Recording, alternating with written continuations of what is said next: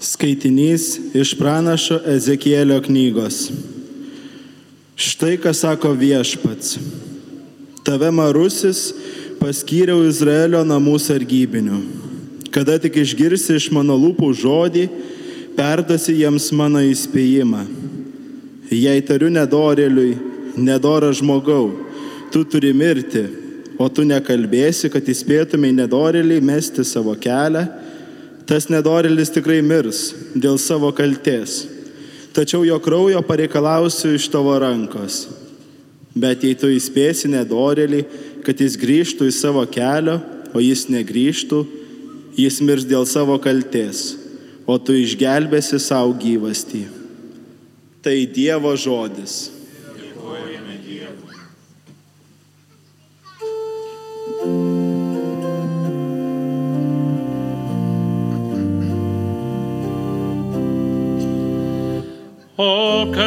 Kad išgirstume šiandien, ką viešpats byloja, nebūkite kieta širdžiai.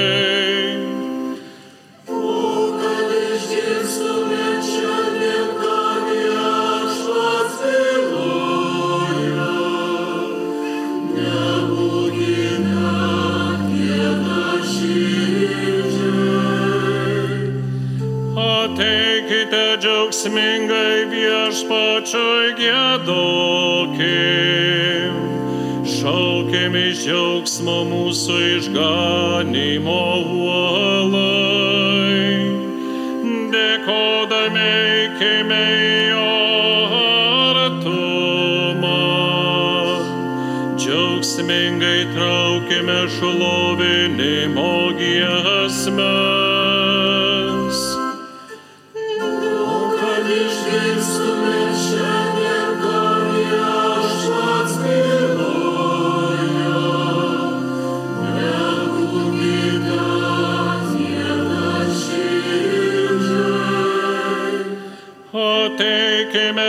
Pagarbinti ir pulkime kniupsti. Klaupkimės prieš viešpatį mūsų kūrėją. Jog jis mūsų Dievas, o mes tauta, kurią jisai gano. Kaimenė,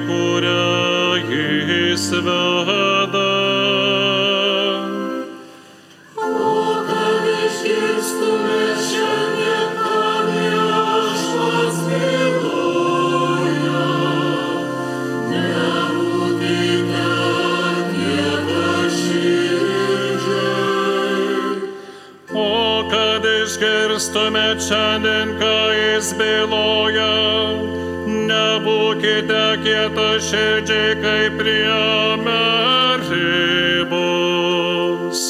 kaip dykumoje masos diena. Gundė mane ten jūsų senoliai.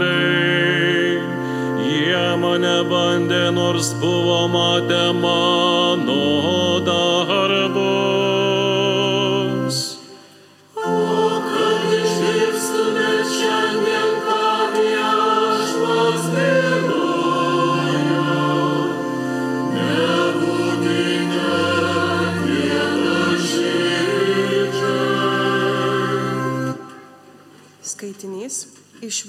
apaštalo Pauliaus laiško romiečiams, broliai ir seseris, niekam nebūkite ko nors skolingi, išskyrus tarpusavio meilę, nes kas myli, tas įvykdo įstatymą.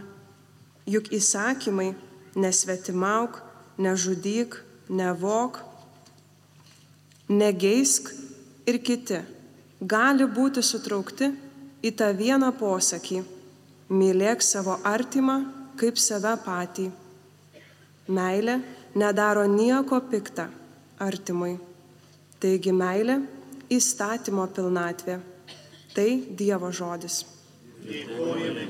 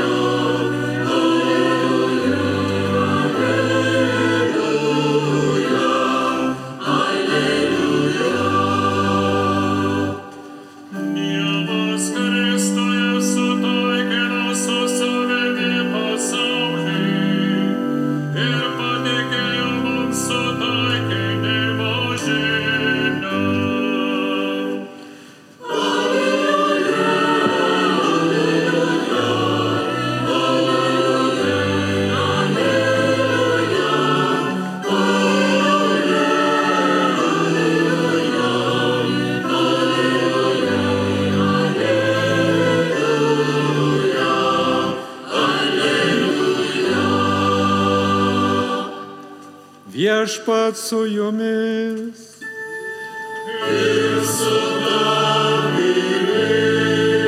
Iš Ventosios Evangelijos pagal matą.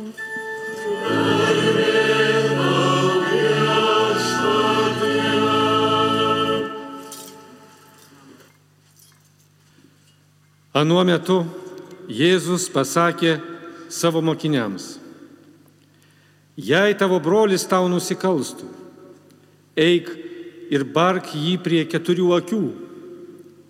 Jeigu jis paklausys, tu laimėjai savo brolį. O jei nepaklausytų, pasimk su savimi dar vieną ar du, kad visa byla remtųsi dviejų ar trijų liudytojų parodymais. Jeigu jis ir jų nepaklausytų, pranešk bažnyčiai. O jei nepaklus nei bažnyčiai, tebūnė jis tau kaip pagonis ir muitininkas.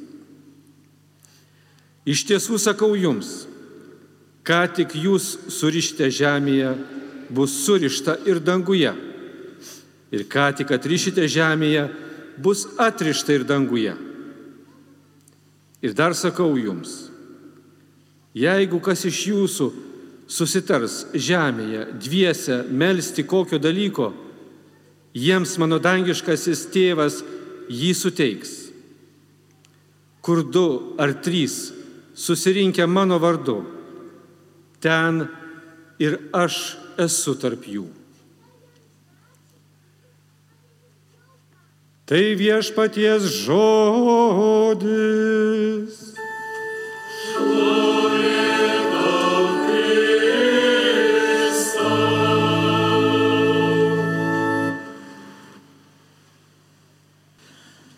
Brangus broliai ir seserys, kaip gražiai šis sekmadienis pavadintas visoje Šilovos atlaidų programoje, kad tai yra bažnyčios diena.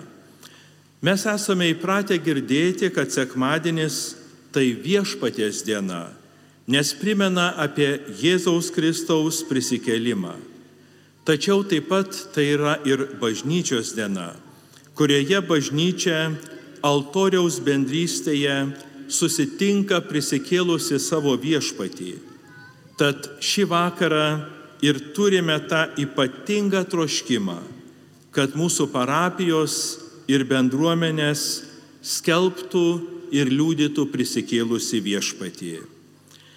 Tai iš tiesų mums sukuria tokią didžiulę atsakomybę vieniems už kitus, nes esame viena Dievo tauta, pašaukta garsinti įstabius Dievo darbus ir kviesti visus žmonės į išganimą. Šiandien girdėjome ištrauką iš pranašo Ezechielio knygos, kurioje Dievas įsako pranašui skelbti žodį gautą iš viešpaties. Tave marusis paskyriau Izraelio namų sargybinių. Ką tai reiškia būti sargybiniu? Senovėje miestai turėjo aukštus mūrus, skirtus apsiginti nuo priešų. Naktį vartai būdavo uždaromi, o miestą saugodavo sargybiniai, kurie įspėdavo apie besertinantį priešą ir taip išgelbėdavo miesto gyventojus. Pranaš, pranašas palyginamas su sargybiniu, kuris įspėja apie priešą ir išgelbėja žmonės nuo pražūties. Šiandien, brangieji, bažnyčia eina pasaulyje tas sunkes pareigas - būdėti ir perspėti žmonės apie pražūtį nešantį priešą. Juk ir mes galime pajusti tą priešiškumą bažnyčiai, kai jos atstovai, aktyvūs pasauliečiai ar dvasininkai prabyla apie genderizmo ideologijos pavojų, apie šeimos sampratos nuvertinimą, apie kvaišalų daromą žalą žmogaus asmenybei.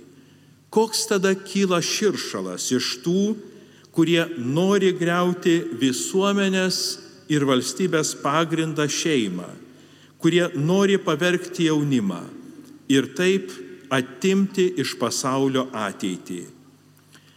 Bažnyčio žmonės, pasauliečiai ir dvasininkai būtent ir yra tie sargybiniai, neleidžiantis priešui užvaldyti ir sunaikinti žmogaus prigimties, kurioje atsispindi Dievo atvaizdas.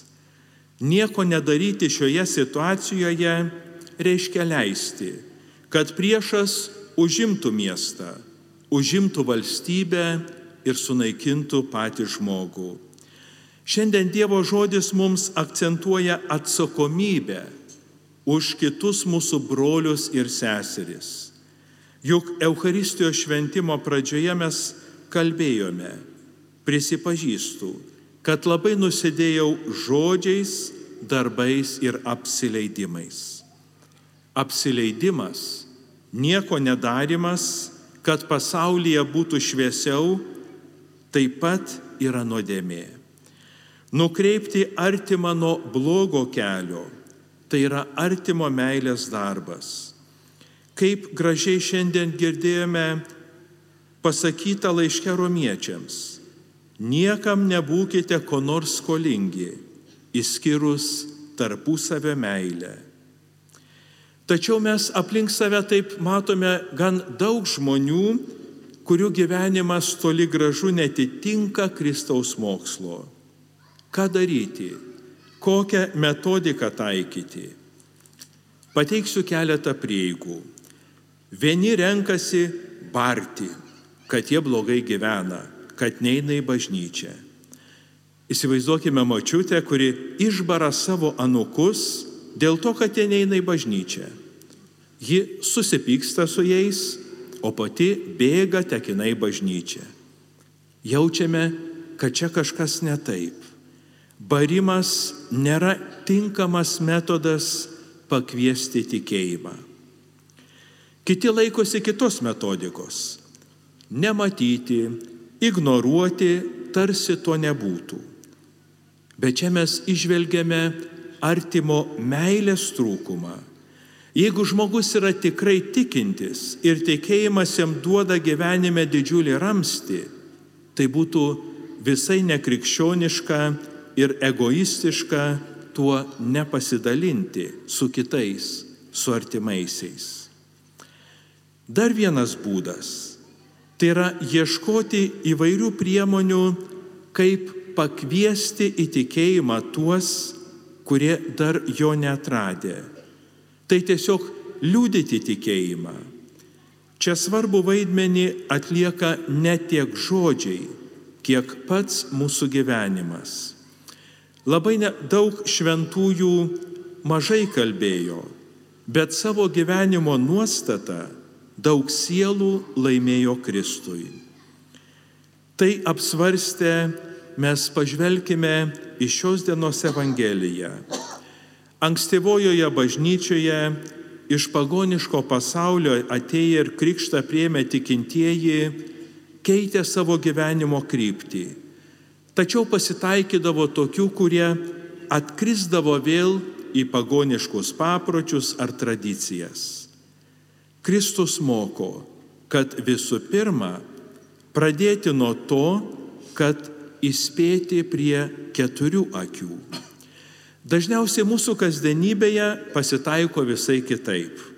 Apie žmogaus silpnybės ar klyskelius išpasakojame visiems, bet nieko nepasakome tam žmogui, kuri tai paliečia.